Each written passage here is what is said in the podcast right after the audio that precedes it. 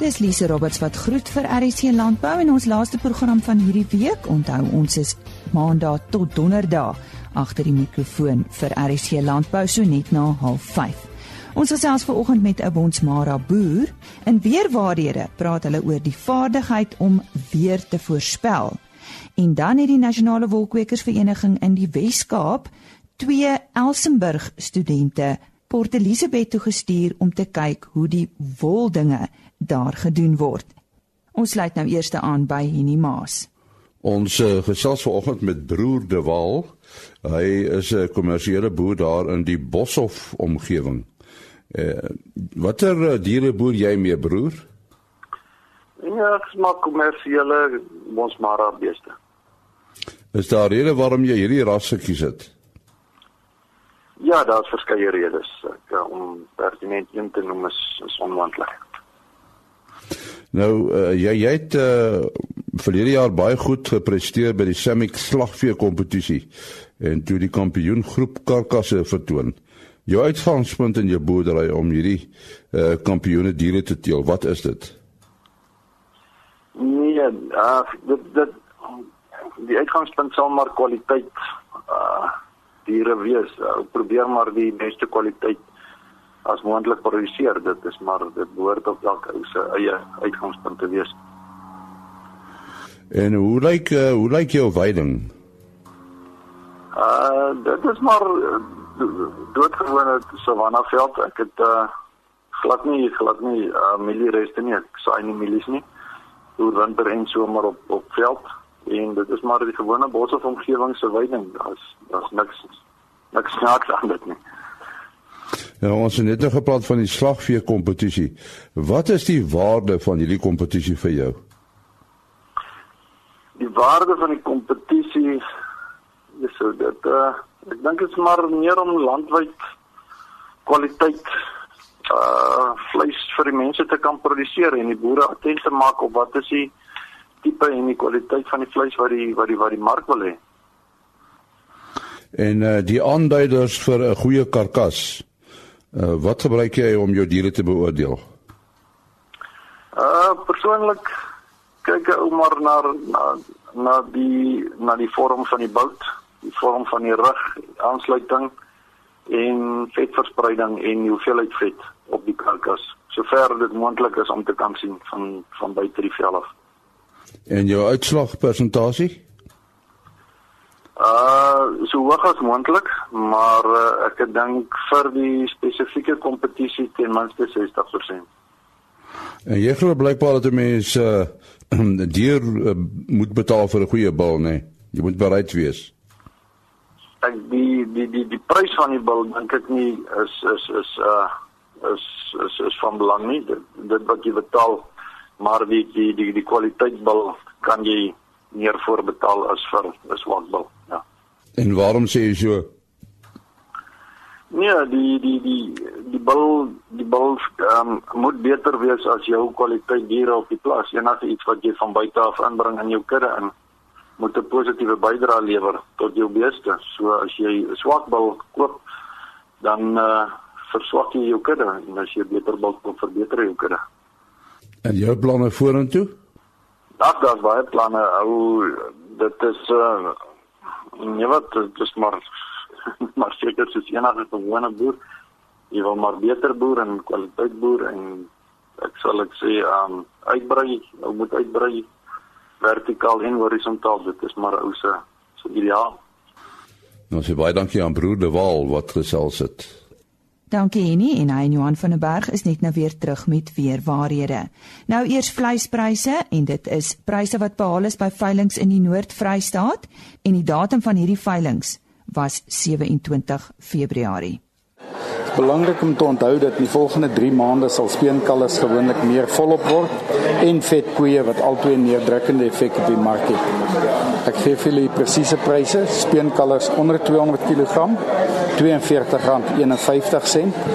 van 200 tot 250 kg R38.43 en oor 250 kg R35.76 A klasse R26.27 B-klasse R22.61, C-klasse vetkoeie R21.66 en maarkoeie R19.03 tot R20.01.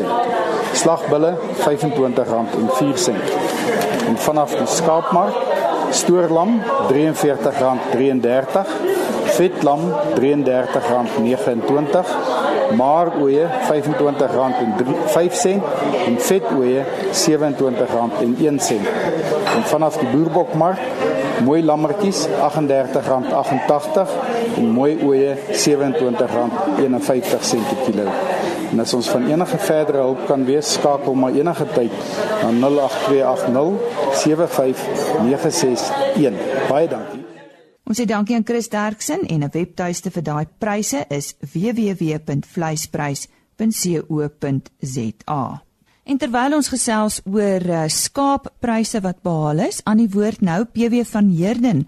Hy is die president van die Meatmasterskap Teelergenootskap oor 'n nuwe rekord wat behaal is. Ja, Lise, dit was uh, Henke nie van Oslo Meatmasters se sewende produksieveiling waar ons 'n uh, eh, nuwe rekordprys vir 'n uh, ram behaal het van R395 000.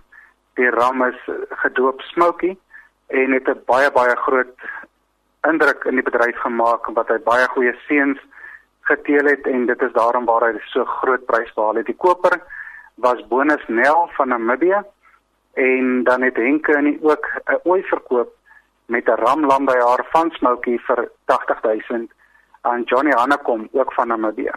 Dit is ook dan vir ons 'n nuwe rekord vir 'n Meatmaster ooi en uh, ons is baie baie dankbaar daarvoor en die feit dat die Meatmaster ras homself nog steeds in hierdie droë toestande in die Boesmanland uh, kan bewys is vir ons net 'n teken dat hierdie ras uh, werklik waar baie baie goed doen in hierdie omstandighede wat die land op hierdie stadium is.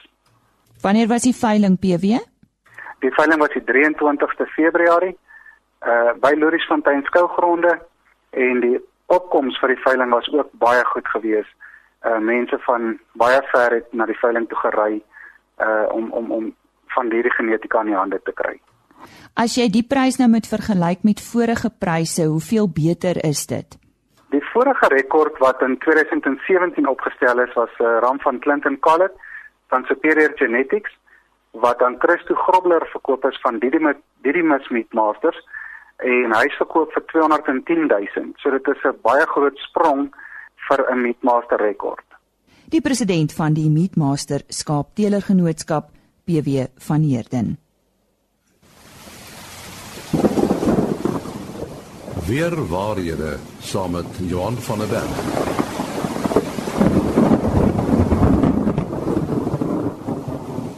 Ja, die rubriek se naam is weer waarhede. Ons praat met Johan van der Berg van Santam Landbou en uh uit die aard van die saak praat ons oor weer. Johan, op 'n manier is elke ou se eie weervoorspeller, nee, ek meen as mense uitstap in die oggend dan kyk jy wat maak die weer, dan uh dink jy so ietsie oor die moontlikheid dat dit gaan reën of nie gaan reën nie. Maar dit is uh nie so maklik om weer korrek te voorspel nie. Nee. Dit is nogal die die groot probleem. En die groot vraag is altyd, um, is 'n voorspelling beter as wat die langtermyn gemiddelde syfer vir byvoorbeeld 'n dag of vir 'n seisoen is? Uh, en ons kry baie keer is al toetse gedoen wat sê dat as jy nie voorspellings gebruik het nie, sou jy meer akkuraat gewees het. So en dit is waar hierdie uh, die vaardigheid van voorspellings, ek hou meer van die Engelse woord die skill uh van voorspellings. Nou dit gaan hier oor die akkuraatheid daarvan uh, teenoor die vaardigheid. Nou vaardigheid of die skill meet hoeveel beter 'n voorspelling is as byvoorbeeld die langtermyn gemiddeld. Nou mense kan hier 'n voorbeeld gebruik. Die winterreënval uh kom ons sê in die Vrystaat uh waar dit omtrent nooit reën nie. Uh jy gaan baie keer akkuraat wees deur net na die langtermyn gemiddeld te kyk en te sê maar dit reën omtrent nooit in die Vrystaat nie. So jy kan voorspel dat Julie maand nie gaan reën hê nie en jy gaan in 1 uit 30 of 1 of 1 uit 31 of 1 uit of 2 uit 31 dae dalk verkeerd wees as hier bietjie reën kom. So jy gaan nie net baie reg wees, dis 'n nou breiner. Ehm uh, so jy's baie akkuraat, maar daar's nie regtig waar vaardigheid daar nie, want die langtermyn gemiddeld wys dit eintlik vir jou. So uh met vaardigheid gaan dit daaroor dat 'n mens meer waarde toevoeg uh en dat daar regtig waar uh beter voorspellings uit hierdie goed moet kom. Nou 'n mens uh, moet kan dit ook gebruik in terme van uh die voorspellings vir besluitnemingsdoeleindes. Want dit is eintlik waaroor dit gaan. Uh nou hier is ook 'n verskil tussen weervoorspellings en landbouvoorspellings. Nou as mense 'n bietjie kyk na weervoorspellings en ek wil sê klimaatsvoorspellings uh wat eintlik seisoensvoorspellings is, dan is in die beste tye is die voorspellings maar omtrent 70% akkuraat. En dit is ook net in terme van die totale reënval vir die seisoen. In 30% van die jare is dit onverklaarbaar uh, dat dit nie so is nie. So 'n voorspeller, uh kom ons sê 'n landbouvoorspeller, moet nou hierdie 30% uh waar hy nie inligting het nie, moet hy van iets anders aflei om by 'n besluit te, te kom. Uh in, in landbou moet jy ja of nee hê. 'n 70% waarskynlikheid gaan nie vir jou antwoord gee of jy moet plant of nie plant nie. Jy moet sê dis 'n ja, jy kan plant of nee, jy gaan nie plant nie. En in hierdie opsig uh word daar ander faktore in ag geneem soos byvoorbeeld die beskikbare grondwater, uh, hoe lyk die boer se profiel, se risikoprofiel, kan hy 'n kans vat? Ehm um, so dis totaal 'n ander ding om weer te voorspel waar jy sê daar's 'n 60% of 70% waarskynlikheid, maar in 'n landbou moet jy 'n ja of nee, jy moet op 'n 0 of 100% gee. So daar's twee metodes vir seisoensvoorspellings. Die eerste een uh, is is die werklike voorspellings waarna ons almal kyk en dan die langtermyn gemiddeld. Nou baie boere kyk na 'n seisoen se reënval totaal. Uh dit is binne 'n band as jy mens gaan kyk na die langtermyn gemiddeld, daar's min seisoene wat baie ver afwyk.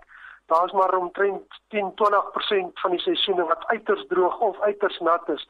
So as jy die langtermyn gemiddeld vat en 'n reeks van 10-20% rondom dit, dan gaan jy baie naby aan reg wees.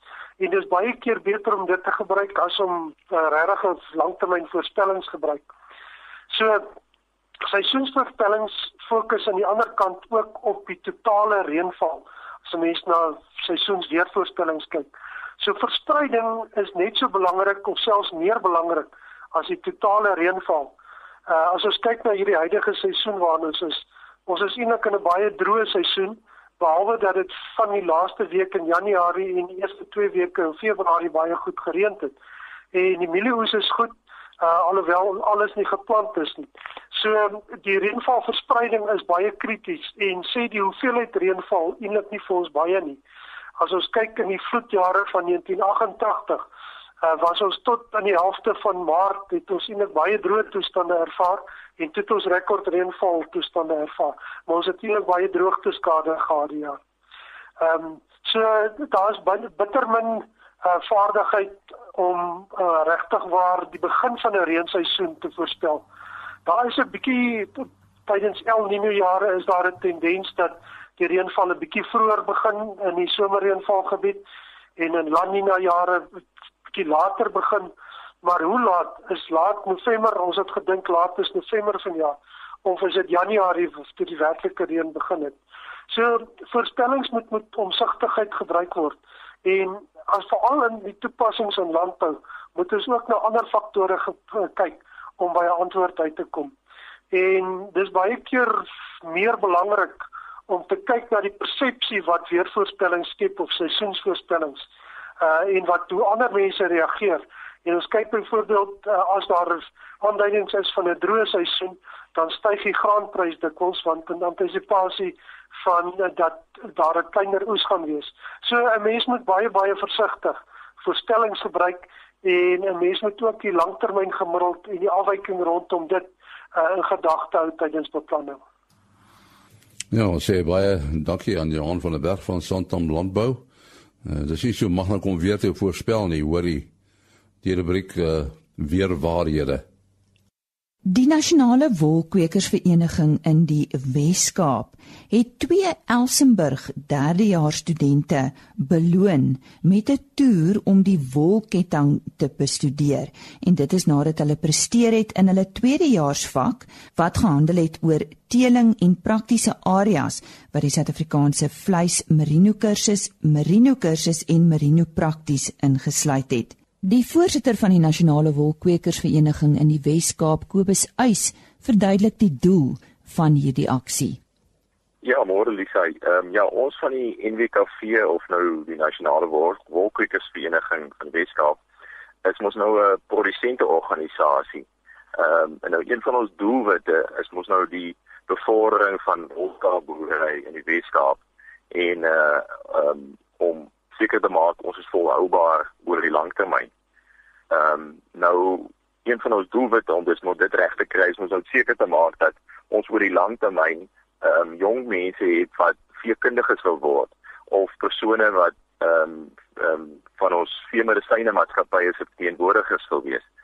En dan ook boere wat met wil wil miskien boere in die toekoms of skape wil boere in die toekoms. So ons het gegaan en eh uh, Elsenburg genade en gesê wat van ons borg die veekunde klas, die tweedejaars veekunde klas, die twee topstudente um, om vir hulle 'n bietjie inisiatief te gee en moet te motiveer om uh, goed te doen in daai kursus. So wat dit nou behels is dat ons nou die twee studente afvat uh, Port Elizabeth toe. Nou Jasper Kloete wat nou die dosent in veekunde by Elsenburg is, sê dit ongelooflike goeie effek gehad op die op die kinders uh, want skielik is daar 'n kompetisie om goed te doen. Ehm uh, want laas jaar se studente sê vir die kinders vir die volgende jaar van hoe lekker die toer was en hoe ongelooflik bevoorreg hulle was om so 'n geleentheid te kon kry om af te gaan Port Elizabeth toe. Nou wat die toer behels is, ehm um, ons vat hulle af Port Elizabeth toe en dan nou gewoonlik by BKB Wanne Olivier vat hulle die hele die hele wolstore wys vir hulle hoe uh, die wol inkom ehm um, en dan hoe die wolmonsters geneem word, die verteenwoordigende wolmonsters geneem word wat na um, die woltoetsbureau toe gaan vir ontleding en dan sommer die hele proses van hoe dit verpak word en hoe dit um, uitgestal word vir die wolkopers ehm um, wat nou die deur die wolstore gaan om uh, die wolwaardasies te doen. Ehm um, dis nie middag gewees en dan die volgende dag het ons hulle afgevat uit in Haag toe. Nou Stoeken, een van die wolkopers, het 'n uh, verwerkingsaanleg of 'n wassery uh govern end. So hulle het so toe gevat uh die volgende oggend dat hulle nou deur die hele proses gaan van hoe dit gewas word en hoe die hoe dit verwerk word. Ehm um, en toe sien middag is hulle het hulle gevat na die wool exchange toe, waar waar die fisiese wolveiling is om te wys vir hulle hoe wol wol verkoop op die veiling. En toe die middag is hulle gevat na die wolbeach bureau toe ehm um, om te wys die verteenwoordigende wolmonse wat nou van die van die makelaars afkom hoe dit ontleed word. Ehm um, staan hoe hulle mikron bepaal, hoe die skoonopbrengse meet, uh, met die treksterktes om nou 'n uh, wolwaardasie vir die vir die vir die kopers te kan gee um, om oor die hele proses daarvolgens verloop. Ek het vroeër met hierdie twee studente gesels en eers dan die woord is Christian Kotse en hy sê hy kom daar van die Parel af. Vertel ons eers van jou studieloopbaan by Elsenburg. Uh, Christian, goeiemôre. Wat behels dit? Goeiemôre Tannie. Ehm um, ja, hier by Elsenburg studeer ek tans nou in die agronomie en kleinvee rigting. Ehm um, agronomie behels dan nou veldweidings en aangeplante weidingsbestuur, asook kleingrondgebouing en ehm um, kleinvee is dit hierdie gesondheid, skaapbestuur, vleiskinder, varkproduksie, ook ehm um, vleisbeesproduksie en grootvee diere gesondheid. Hoe lank is jou kursus? My kursus is 3 jaar dan. Dis 'n dis 'n graad kursus en dit word eintlik deur Stellenbosch Universiteit aangebied. Ehm um, ons fasiliteit is op Elsenburg. Wat beoog jy nou om te doen as jy klaar gestudeer het, Christian? Weet jy al? Ja, dan nie. Ehm um, wel, dit voel vir my ons is ons is vasgevang in 'n in 'n stryd waarvan of 'n omgewing waar niemand wil wees nie. Um, met ons regering se se besluite en en langende besluite. En um, dan word die plaasmoorde en en die droogte alles, maar ek is ek is baie positief dat ek gaan boer. So dit is my plan vir die toekoms. Vir volgende jaar ek en my pa gaan 'n bietjie saam boer ja, as die Here dit sou wil hê. Natuurlik en baie sterkte daarmee. Kom ons gesels oor daai toer wat jy nou onderneem het in um, in Port Elizabeth en Uitenhage. As as jy nou moet so twee of drie goed noem wat uitgestaan het, wat is dit Christian? Toen ek toe ons daar aangekom het, het ek um, ek, ek sou dit beskryf as 'n as 'n see van bale. Ek het iets in my lewe gesien nie en um, dit gee vir net so so so klein idee oor hoe groot die wêreld reg is en hoe groot die wol wêreld reg is as ek dit nou so kan noem. Ehm um, dan was dit ook vir my belangrik. Ehm um, dat ek baie wenke geleer oor wat om in die skeerop te doen. Ehm um, die klein dinge wat jy met die skeerop kan doen om jou winsgrens te verbeter. En ehm um, dan vir my was 'n baie belangrike ding ook die wolbesoedeling. Wat uit 'n wolbal uit kan kom. As ons kyk na na 'n bril of skoene of bottels of so iets, alles wat uit 'n bal uit kan kom. So dit was al smaak van interessant. Goed Christian, daar's dalk 'n paar mense waarvoor jy wil dankie sê. Ehm um, ja, dan ek verseker, ek wil bitter graag vir om Janie Fourie van die NWKV Weskaap baie dankie sê en vir hom Kobus Eis wat hierdie toer vir ons gereël het. Ehm um, dan vir Tannie Bonita Francis wat ons ehm um, wat hierdie toer vir ons gekoördineer het en vir ons rondgeneem het na die plekke toe. Ehm um, dan wil ek ook vir die mense wat die toer saam met ons meegemaak het vir Tannie Plodde toe en Tannie Annelie, ehm um, wil ek ook baie dankie sê Tannie Annelie Kree en dan vir Dok Jasper wat vir ons al die kennis wat vir ons al die kennis gegee het en um, dan ook vir 'n spesiale meisie, 'n uh, baie goeie vriendin van my wat vir my wat taamlik hier agter die boeke saam met my gesit het en vir my die werk gevra het um ter sy spens. Dan wil ek ook net baie graag vir my ouers dankie sê vir die geleentheid wat hulle my gegee het om hier te studeer en laaste maar nie die minste nie ons hemelse Vader wat vir ons al hierdie gawes gegee het. En nou hoor ons wat AJ van Wyk te sê gehad het oor sy studieloopbaan. Um, Goeiemôre Tannie en luisteraars. Ehm um, dis regtig groot voorgaan vanoggend bietjie uiteindelik kan kan gesels. Ehm um, ek is op die oomblik 'n derde jaar biologie student by Elsenburg. Ehm um, en ek studeer in kleinvee en klein grane as my hoofrigtings. Ehm um, en ek maak aan die einde van die jaar klaar. En wat wil jy doen as jy nou klaar is of wat gaan jy doen? Jy weet seker al. Ehm um, Tannie, ja, ek wil my groot droom was van kleins af om ehm um, op ons familieplaas saam met my boetie en my pa te kan boer. Ehm um, en ehm um, ja, dit was so gou as moontlik die wolbedryf en die skaapbedryf ehm um, betree. So ek sal graag nadat ek beswat volgende jaar ehm um, by die familieplaas wil aansluit dan nie. En waar is hierdie plaas aie? Ehm um, by ons boer net by die Kinderverstal. Ehm um, en um, ons is die vierde geslag op die plaas. Ehm um, bietjie met graan en en skaap en ehm um, ek sal graag meer met die vee se kant toe wil werk en ehm um, ehm um, van kleins af was dit 'n groot liefde gewees vir my. Ja. Vertel vir ons wat dit vir jou uitgestaan tydens julle besoek aan Port Elizabeth en Uitenage. Ehm um, dan jy weet baie nie verder dit vir my reg ehm um, oorweldigend was vir my van die platteland afkom was dit vir my reg baie mooi geweest as ek as ek die term kan gebruik om te kan sien hoe mense nie net produsente nie maar vanuit jou wil die ehm um, die, die plaaslike ehm um, verlaat dan reg mense is wat ehm um, 'n liefde vir die bedryf het en wat absoluut ehm um, die wolbedryf in Suid-Afrika se naam weet beskerm en op hulle hande dra. Ehm um, en ek bedoel die NDKV en ehm um, die storie van BKB wat ons besoek het, die mense met wie ons praat, die mense met wie ons omgaan. Ehm um, dis mense wat regtig 'n liefde vir ons bedryf het en wat ons bedryf absoluut ehm um, weet wil wil ehm um, uitbrei en ehm um, en regtig bitter baie insit om ons te goede vir ons bedryf te wees. En ehm um, dit is my lekker om te kan geassosieer kan word met 'n wolktoetsbureau van topgehalte um, om te kan sien dat dat wolprodukte nie net in Suid-Afrika nie maar veral in die buiteland bemark word en met soveel so die nismark so mooi groei. En um, weet jy hoe mense kan sien die kwaliteit wol en tipe wol wat Suid-Afrika lewer. Ek dink in die klasstandaarde van dit ek dink um, ons dit is vir my lekker as 'n jong ek's nog nie produsent nie maar om, as 'n jong ouetjie wat baie graag wil deel word van die bedryf was dit vir my regtig mooi om te kon sien. En ek dink dit is my nou net op opgesond aan die wat ek sal huis toe bring ja Goed, Aje Christian het daarom die geleentheid gehad om vir so 'n paar mense dankie te sê en ek is seker jy het ook iets op die hart.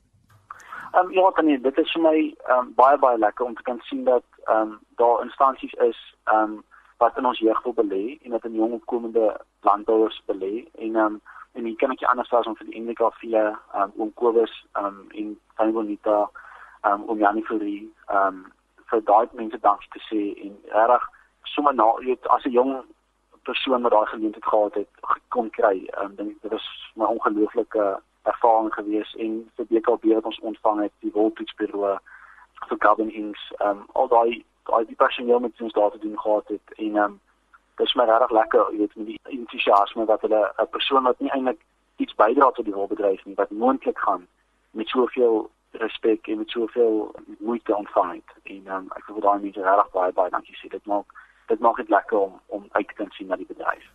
Ons wens die studente ook sterkte toe met die res van hulle studies. Dit was dan AJ van Wyk, voor hom Christian Kotse, die twee Elsenburg studente wat die voorreg gehad het om Port Elizabeth in Uitenhage te besoek en, en dan het ek voor dit met Kobus Eis gesels. Hy uh, is die voorsitter van die NWKV in die Wes-Kaap. Nou vir 'n bydrae vanaf een van ons medewerkers, Marike Brits. Die tabakbedryf in Suid-Afrika het niks om oor skaam te wees nie, aangesien dit 'n uiters ekonomies belangrike bedryf vir Suid-Afrika is. Franso van der Merwe het tydens 'n onlangse Waterberg Tabakboeredag aan Marike verduidelik waarom die bedryf belangrik is en wat die bedryf bedreig. Baie dankie vir die geleentheid. Uh, tabak is 'n geweldige groot bydrae tot die ekonomie van die land. Terwyl ons nou by 'n boeredag is in Suid-Afrika, is daar 8 tot 10000 plaaswerkers net op plase met so ongeveer 35000 afhanklikes in verafgeleë plattelandse gebiede waar ander werk nie bestaan nie. Tabak is baie arbeidsintensief en benodig omtrent 1.5 tot 2 arbeiders per hektaar wat uh, geproduseer word. So dis baie belangrik in terme van die waardeketting se waarde uh waar die produkte verder verwerk word en die eindproduk uh so sigarette hier vervaardig word en ook ander tabakprodukte 17 miljard rand per jaar aan aksies en BTW word aan die staat betaal. Totale belastings uh 23 miljard rand per jaar. En as jy die waardeketting en die vermenigvuldigingseffek vat, dan uh veroorsaak hierdie tabakbedryf meer as 54 miljard rand se ekonomiese aktiwiteit per jaar. Wat bedreig die bedryf op die oomblik? Daar is twee groot bedreigings. Die een is 'n uh, ekstreme wetgewing wat voorgestel word deur die minister van gesondheid wat uh, uh, wat gaan beteken dat handelsmerke nie meer vertoon mag word op pakkies nie uh en uh die die tabakhandelsmerke is soos alle ander handelsmerke in die drankbedryf of uh, seep of kosse of wat ook al handelsmerke is belangrik. Die minister wil daai handelsmerke wegvat. Uh ons is baie bekommerd daaroor en uh dit gaan die wettige bedryf seermaak en die onwettige bedryf bevoordeel want die produk word uh, gekommoditiseer. Alles alle produkte moet dieselfde lyk. Hulle dink daardeur dat mense gaan minder rook, maar ons het gesien uh, dit is nie die geval nie waar dit al wel geïmplementeer is. Die ander groot uh, probleem en die grootste probleem met die stadium is die onwettige handel. Uh ten minste 25% van die mark is onwettig. In sekere uh, dele van die mark is 50 tot 100% van alle tabakprodukte onwettig. Dit kos die staat uh meer as 5 miljard rand per jaar uh en oor 'n tyd loop dit op na 20, 30, 40 miljard rand wat die staat verloor en dit sluit uit die verliese aan die bedryf want daai produkte moes deur die wettige bedryf geproduseer het. Dit beteken laer volumes van die wettige bedryf, dit beteken impak op boere en dit beteken impak op werksgeleenthede in in in verafgeleë plattelandse aangeleenthede.